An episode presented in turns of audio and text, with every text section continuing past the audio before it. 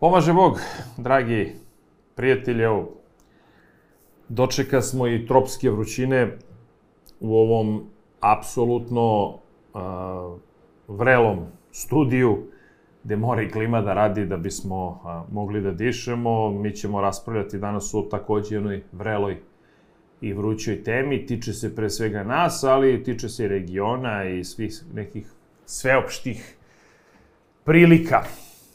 Drago mi je da ovaj podcast dobija sve veći broj a, pratilaca. Ja sam zaista zahvalan na tome, zato što trudimo se da ne budemo a, prihvatljivi ljudima zato što smo ekstremni ili da nas ljudi gledaju zato što će da ovde čuju neku senzaciju ili šta god. Trudimo se zaista da budemo sa obe noge na zemlji i mislim da je to nešto što nedostaje i zato imamo sve više i više pregleda od, uh, ajde, ono kažemo, sveta koji želi da nešto čuje, da polemiše i mislim da smo u tome značajno, značajno uspeli. Uh, neko bi rekao uh, ne broj, nego soj.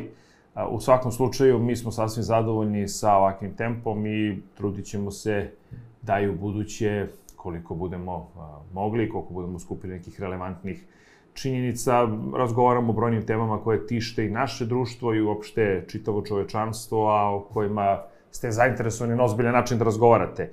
A, uvek udarite subscribe, odnosno prosto udarite ono, ovu ikonicu da bi mogli da dobijete obaveštenja.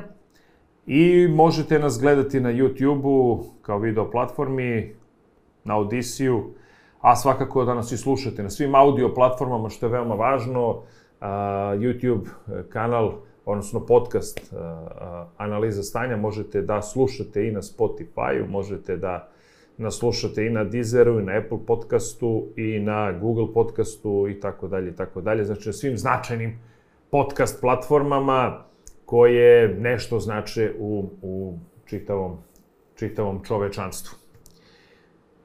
Elem, uh, ja ću pokušati na jedan racionalan način da raspravljam o jednoj temi koja čini mi se danas sve više i više tišti. Tiče se nekako najviše naše unutrašnje politike, ali kažem, dosta je to indukovano a, sa spolja i u vezi je sa ovim protestima, svakako naravno u vezi je sa jednom ozbiljnom kampanjom koja se vodi, ja ću bar izneti svoj stav o tome da se vodi protiv naše države, a tiče se takozvane sveopšte kriminalizacije naše zemlje, odnosno najpre državnog vrha, i to vrlo ciljano i možemo slobodno reći vrlo precizno rađene a, kampanje kriminalizacije, zato što je očigledno a, u ovom gibanju svetskom neophodno skloniti vlast koja nije u potpunosti u saglasju sa nekakvim prozapadnim stavovima, odnosno sa stavovima koje zastupaju određene evropske zemlje. Inače, unutar samih evropskih zemalja, unutar same Evropske unije vi imate ta ozbiljna gibanja, ali uh, u samim Sjedinjim američkim državama čak imate taj, taj sukob.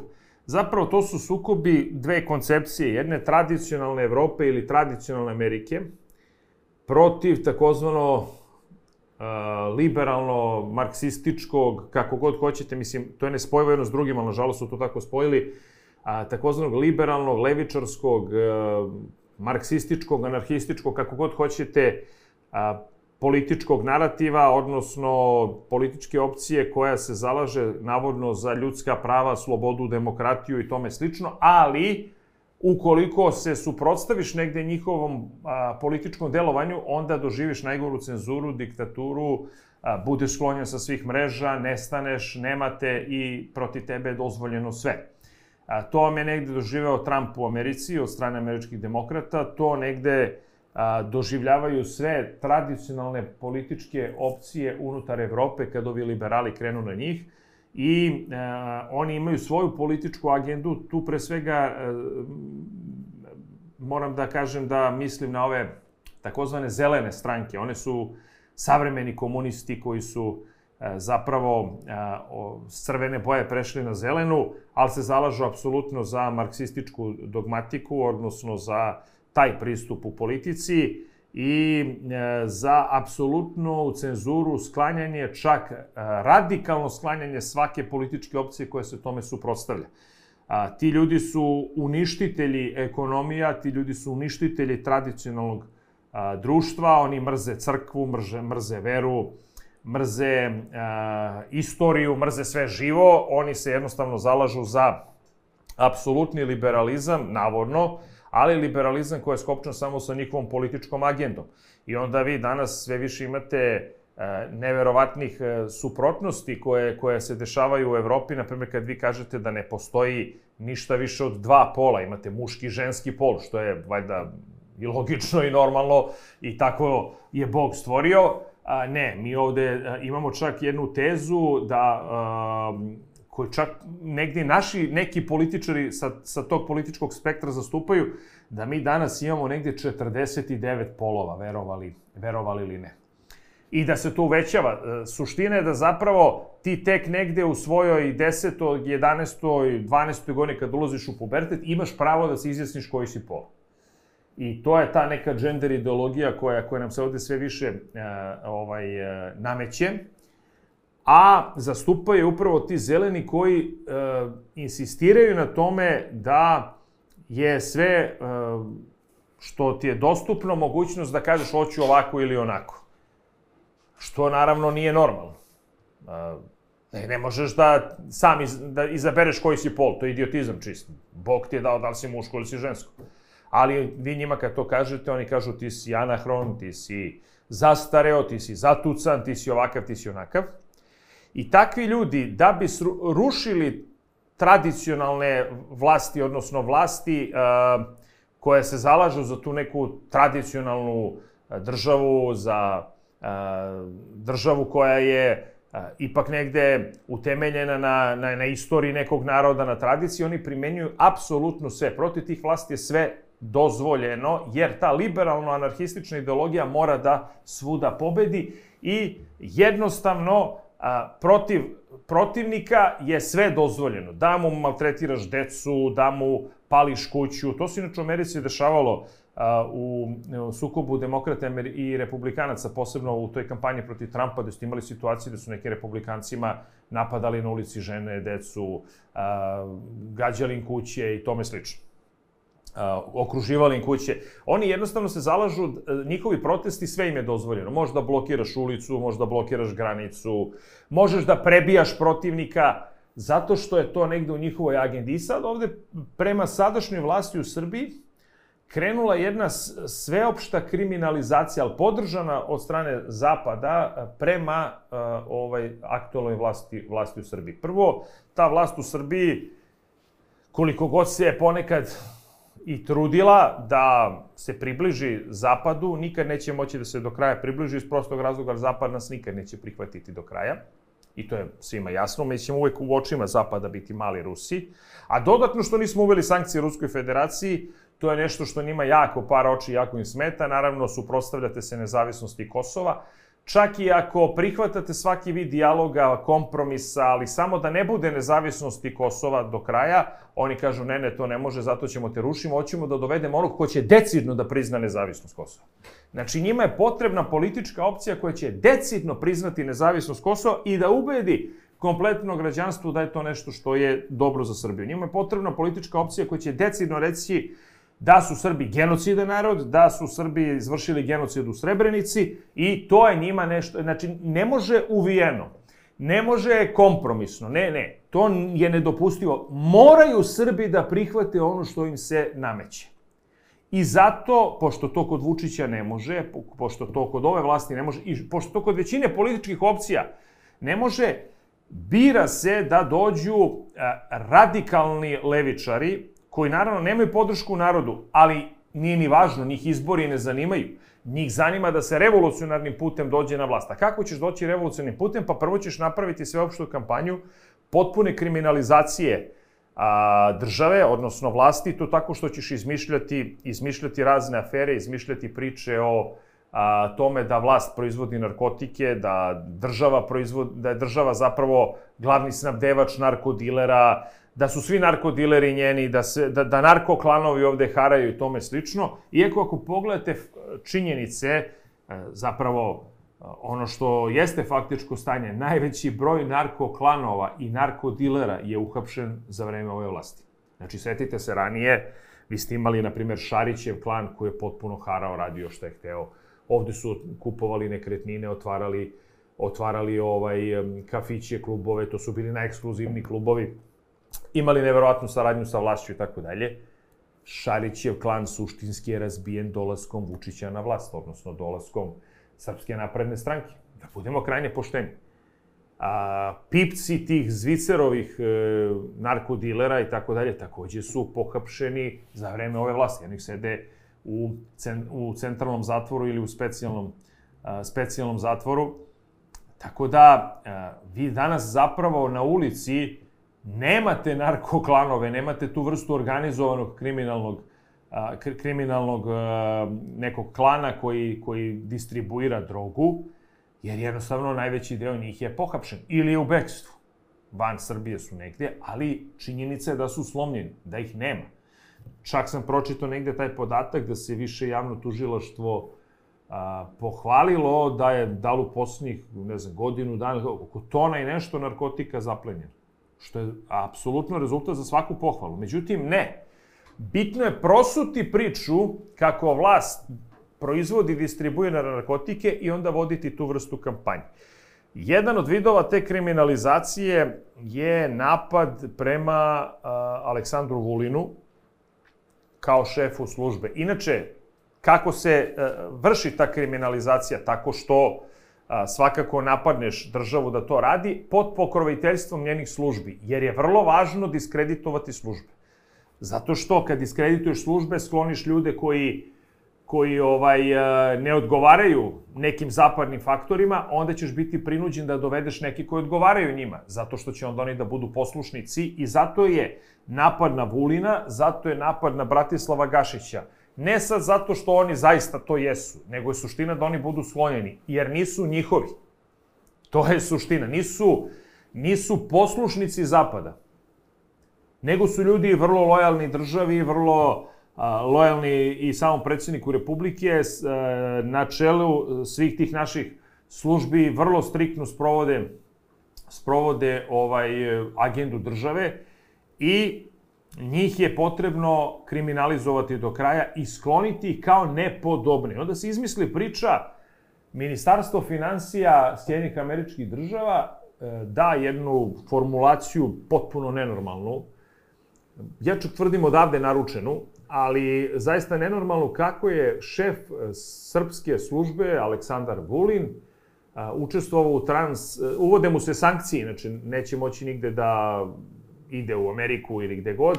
Čak je vidim da sad je i neke evropske države, odnosno sam, na nivou Evropske unije se traži da mu se uvedu sankcije.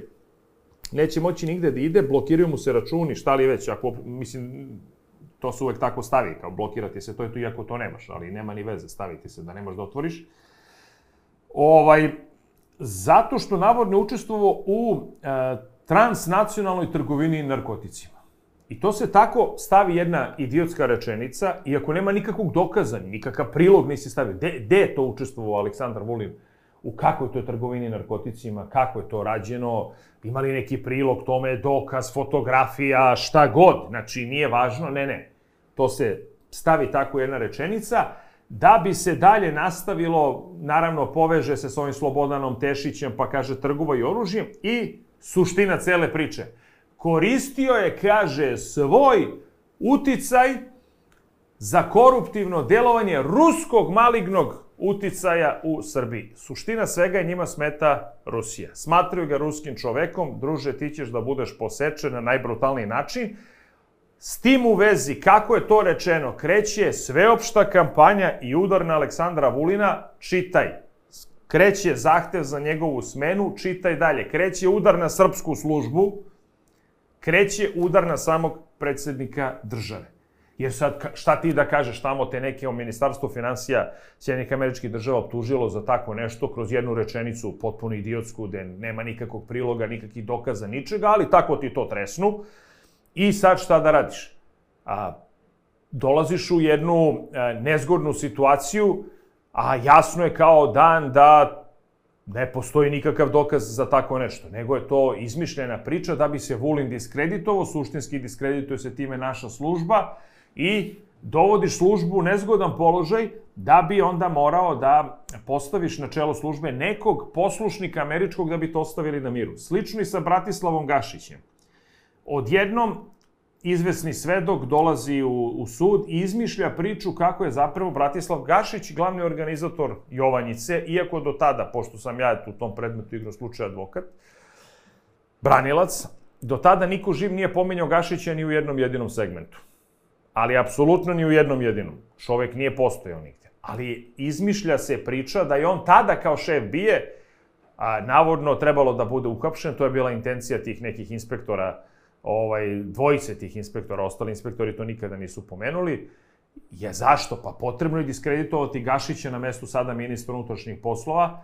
Zašto opet? Da bi se eventualno ti inspektori na neki način zaštitili, jer postoji za njih brojne optužbe da su vršili razna krivična dela, ali protiv njih ne smete nigde ništa da kažete, jer oni već imaju unapred pripremljenu odbranu, to jest, nemoj da vam padne na pamet protiv njih išta da pokrećete. Preventivno se čak ide u medije, ako su tek pozvani bili da se prikupljaju obaveštenja od njih, da daju izjavu za, na, na određene okolnosti koje im se stavljaju na teret, znači nije podignuto, pokrenuto zapravo još ništa protiv njih, ali preventivno se daje. Nemoj da vam padne na pamet da slučajno nešto probate protiv njih, jer će medijska kampanja protiv vas da bude brutalna, a kako će biti brutalna? Pa evo sad ovako, sad ćemo Gašiću da nanu naninu otprilike zato što mu je palo na pamet da vas istražuje. Odnosno, nekom tužilaštvu je palo na pamet da vas istražuje, Gašić kao ministar unutrašnjih poslova je tu, sad ćemo i njega da diskreditujemo. Dalje čitaj, diskredituje se mini, celo ministarstvo unutrašnjih poslova, odnosno a, zapravo ponovo vrh države, ponovo jedna naša bezbednostna struktura i a, proglašava se i da je ministar unutrašnjih poslova, kao i šef bije, da je zapravo šef narkodilerima, odnosno da kontroliše trgovinu narkoticima, izmišlja se takva priča, a sve to dalje implicira da se kaže da je država ta koja zapravo stoji za proizvodnje narkotika i da ona sve svoje obaveze prema građanima, prema čitavom ovom društvu, prema, prema Srbima sa severa Kosova da bome, servisira preko trgovine narkoticima. Dalje, kriminalizuju se Srbi sa severa Kosova. Kako se kriminalizuju? Pa tako što se kaže tamo su na severu Kosova pronađene neke silne laboratorije i tako dalje i tako dalje. E, to i iza toga čak stoji Republika Srbija, verovatno je to neka bija napravila ili Ministarstvo unutrašnjih poslova ili ko, ili nije važno, neka bezbednostna struktura. U čitavu priču oko Jovanjice ubacuju se i vojne službe, da se vlasi ne dosete, nego mora i vojna služba da se napadne. I suštinski šta vi imate? Vi imate da sve vaše službe u ovoj državi zapravo proizvode narkotike i distribuiraju narkotike i od toga se država finansira. Šta se radi prema takvoj državi? Pa ona se proglašava Balkanskom Kolumbijom, da bome, pazite, njihovo čedo, Kosovo, tu nema trgovine narkoticima, tu je valjda sve okay, iako a, najveći a, kriminalni klanovi, gangsterski klanovi na nivou Evrope su šiptari sa Kosova i, i, i ovaj, i, i, ili eventualno Albanija, ali pre svega sa, sa Kosova i najveće bande te kriminalne oni drže, ali oni su okej, okay, to je totalno sve super, a ne, ali ovde država stoji za toga, to je državni projekat, da bi se na taj način urušavala vlast, urušavao Aleksandar Vučić, urušavala čitava ova arhitektura, odnosno a, a, čitavog ovog sistema, Podpomaže se to protestima, dodatno medijskom kampanjom koja je brutalna, koja je jeziva, koja je ovakva, koja je onakva da bi se došlo do cilja eventualnog sprovođenja revolucije, a to opet odgovara da ovi zeleni, kad se sprovede revolucija sa minornom podrškom, kao što su nekada inače komunisti pre rata imali, ali su dočekali svojih pet minuta posle drugog svetskog rata kada su u tom građanskom ratu pobedili i zahvaljujući Englezima, Čerčilu pre svega i tako dalje, preuzeli vlast u, u, u tadašnjoj Jugoslaviji, tako i ovde neka revolucija će se sprovesti, e onda mi dovodimo naše poslušnike koji će biti krajnje radikalni i brutalni prema svim onim elementima koji da bome ovaj nisu nisu hteli da budu poslušnici, nisu hteli da kleknu pojedinim zapadnim ambasadorima, nisu teli da, da uvedu sankcije Rusiji, tome slično i tome slično. I to se, to se nažalost tako radi i toga će biti sve više i više. Znači, ovo sa Vulinom, sa Gašićem je pokazna vežba, da kažu Vučiću, vi šta možemo ti uradimo, a nastavit će se dalje ukoliko Vučić nastavi sa ovom sadašnjom politikom, a to je da nema priznanja nezavisnosti Kosova, da neće se uvesti sankcije Rusiji, pritisci na Srbiju će biti strašni, do momenta čak i eventualno oružanog sukoba na Kosovu, ali pre svega sveopšte kriminalizacije našeg društva, a ono se ogleda u tome da se vodi kampanja kako ovde vladaju narkoklanovi koje finansira država. I to je poenta čitave, čitave ove priče. I tu će se svašta, svašta još uraditi i činiti a medijska kampanja tu neće stati. Kao što ste videli kako je objavljena ta idiotska informacija a, Američkog ministarstva financija, tako je krenulo, a, ja, ja mislim da svaki drugi tekst na portalima Nove S i N1 je upravo ta tema.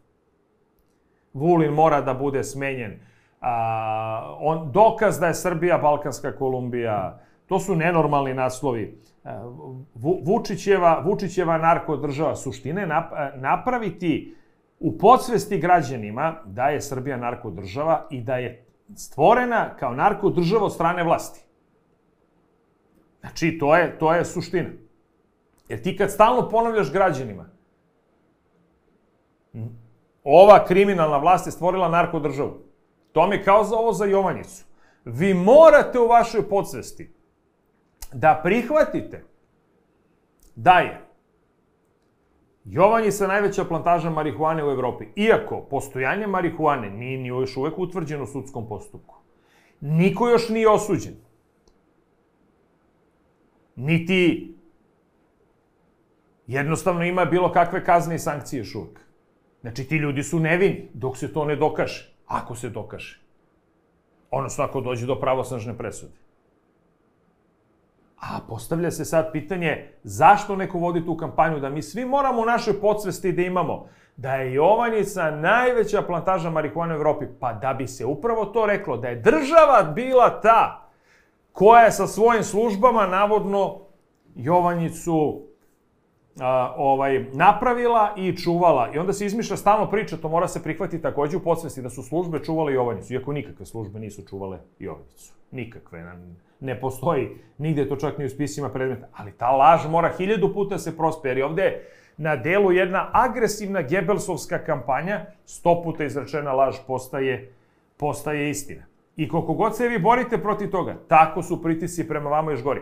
Onda dolazite u fazu potpuno gludila, da pravite protest ispred suda, da linčujete odbranu, da linčujete ovaj, e, same okrivljene, da oni bukvalno ne smiju da se brane, vršite pritisak na sud. Sledeće će da bude da linčuju sudiju ako slučajno donese presudu koja nije u skladu sa narativom koji je u tim medijima stvoren. I to tako ide. To, to je bukvalno savremeni komunizam, ali u onom najcrnijem obliku iz perioda a, da kažemo 44. kad su komunisti ušli u Beograd i kad su imali preke sudove za svakoga u kog su uperili prst ovde i kad su streljali kompletnu beogradsku predratnu inteligenciju, oteli im stanove, oteli im imovinu, pa do nekog perioda tamo 53. godine kada su najviše maltretirali u tom čitavom periodu sveštenstvo, sve političke protivnike, reakciju i tome i tako dalje. I naravno čak unutar sebe su se čistili jer su sve one koje su bili za Ruse, odnosno koje su bili za Staljina, slali na goli otok i upravo taj špalir koji je bio ispred suda je podsjećao na taj špalir na golom otoku. Samo je još špalilo to batinjanje jer a, situacija je bila takva kad dođete sa Paga ka, ka golom otoku, kad vas tamo dovezu, ize, ize, odnosno kad vas brod tamo do, doveze, a, vi izađete sa tog broda i prolazite špalir gde vas pre, premlaćuju isto robijaši da bi se dokazali da su zapravo se preobratili i uh, ubiju te uh, kao sliku, pljuju te, vređaju te i ti dođeš sav izubijan do svog, ako preživiš uopšte te špalir, dođeš sav izubijan do tamo te barake gde ćeš da, da, da boraviš narednih svojih ko zna, ko zna koliko godina. E, ovo je na to podsjećalo i negde je najavljeno šta će vam se dogoditi kada mi dođemo na vlast i kad počnemo da vas maltretiramo. Jer mi smo sad kao opozicija, pa da vidite šta možemo da vam radimo, zato što nećete nas da slušate kako bi trebala presuda da se donese. To je, to je suština, suština cele priče. A, ne znam kako će se sve ovo završiti, ovo nije dobro. Tim ljudima, govorim ovima što luduju sa protestima, je rečeno da nastave s ovim do kraja, i da a, nikako ne posustaju. Oni imaju snažnu podršku pre svega zelenih partija u Nemačkoj. Grdne pare Nemci daju za razvoj te svinjarije ovde. Potpomognuti su dosta tim liberalnim krugovima iz Amerike, raznim nevladinim organizacijama, antisrpski nastrojenim krajnjem. To su iste one agencije, agenture, kako god hoćete, koje pomažu na sve moguće načine Kurtiju i šiptarima. I kao što sam rekao na početku, njima je potrebna vlast koja će u jednom momentu decidno se založiti za uvođenje sankcija Rusiji i uvesti sankcije Rusiji, koja će decidno reći da je u Srebrnici bio genocid, jer je potrebno Srbima nabaciti genocid za sva vremena, da se slučajno ne bi uzdigli nekada, samo da će im neko reći no, no, imate genocid, i to ste sami priznali. I naravno, na koncu svega potrebna im je vlast koja će decidno reći da je Kosovo nezavisna država, da bismo izgubili pravo da više ikada išta polažemo prema prema Kosovu i Metohiji. I to će se ovde raditi. Vučić nije poslušan, Vučić neće to da uradi. Sve to lepo što ti, prijatelji, hoćeš kompromis, što ti hoćeš nama da razgovaraš, da diskuteš, ali ne, ne, nama treba ovo. A zašto nam treba to? Pa zato što u toku svetski rat i potpuna podela. Ili si sa nama ili si protiv nas. Ne možeš da budeš s nama ako nisi uveo sankcije Rusiji. Ne možeš da razgovaraš s nama ako ne priznaješ nezavisnost Kosova. To je naša agenda, ima da slušaš tako. I to je, to je nažalost, današnje, današnje čovečanstvo. Zato molim ljude da nikada ne podležu toj sumanutoj medijskoj kampanji, nego čitaju između redova.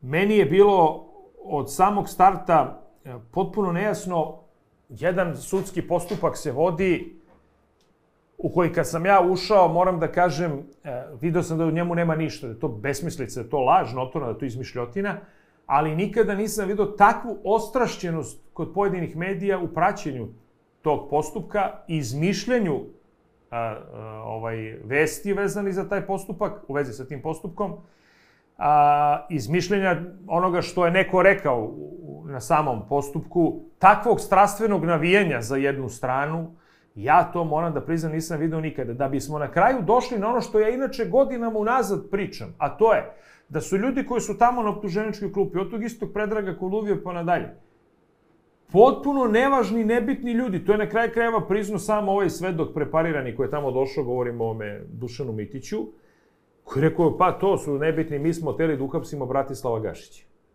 Znači, suština je već tada bila kriminalizovati državu i u tome je, moram da kažem, u tom momentu tada učestvovao jedan deo MUPA. Vrlo to odgovorno tvrdim. Za račun određenih stranih službi, koje su krenule već tada u tu akciju kriminalizovanja države u potpunosti, tada je bilo parcijalno, pa se malo kriminalizuju Srbi sa severa Kosova, Zvonko Veselinović, ne znam, ovaj Milan Radojičić i tako dalje i tako dalje. Svi oni koji mogu da pruže otpor šiptarima na Kosovo i Metohiji, a onda kreće napad na državu, da država organizuje prodaju i distribuciju i, i proizvodnju narkotika, sve to, i između ostalog kreće ta priča sa Jovanjicom, gde na kraju, evo sad saznemo, njihova intencija bila su uhapsi tadašnji šef bije, što je bio svojevrsni državni udar, vi hapsite šefa, šefa bije. Tako da praktično ovi ljudi su nebitni potpuno i na neki način to je ovaj sve dok priznao, on je nes, da, da nekako pravnički, to kažem, suštinski srušio ovu optužnicu, jer je rekao da je ovo, da su to nevažni ljudi skoro, a da je zapravo njima bila važna politička priča.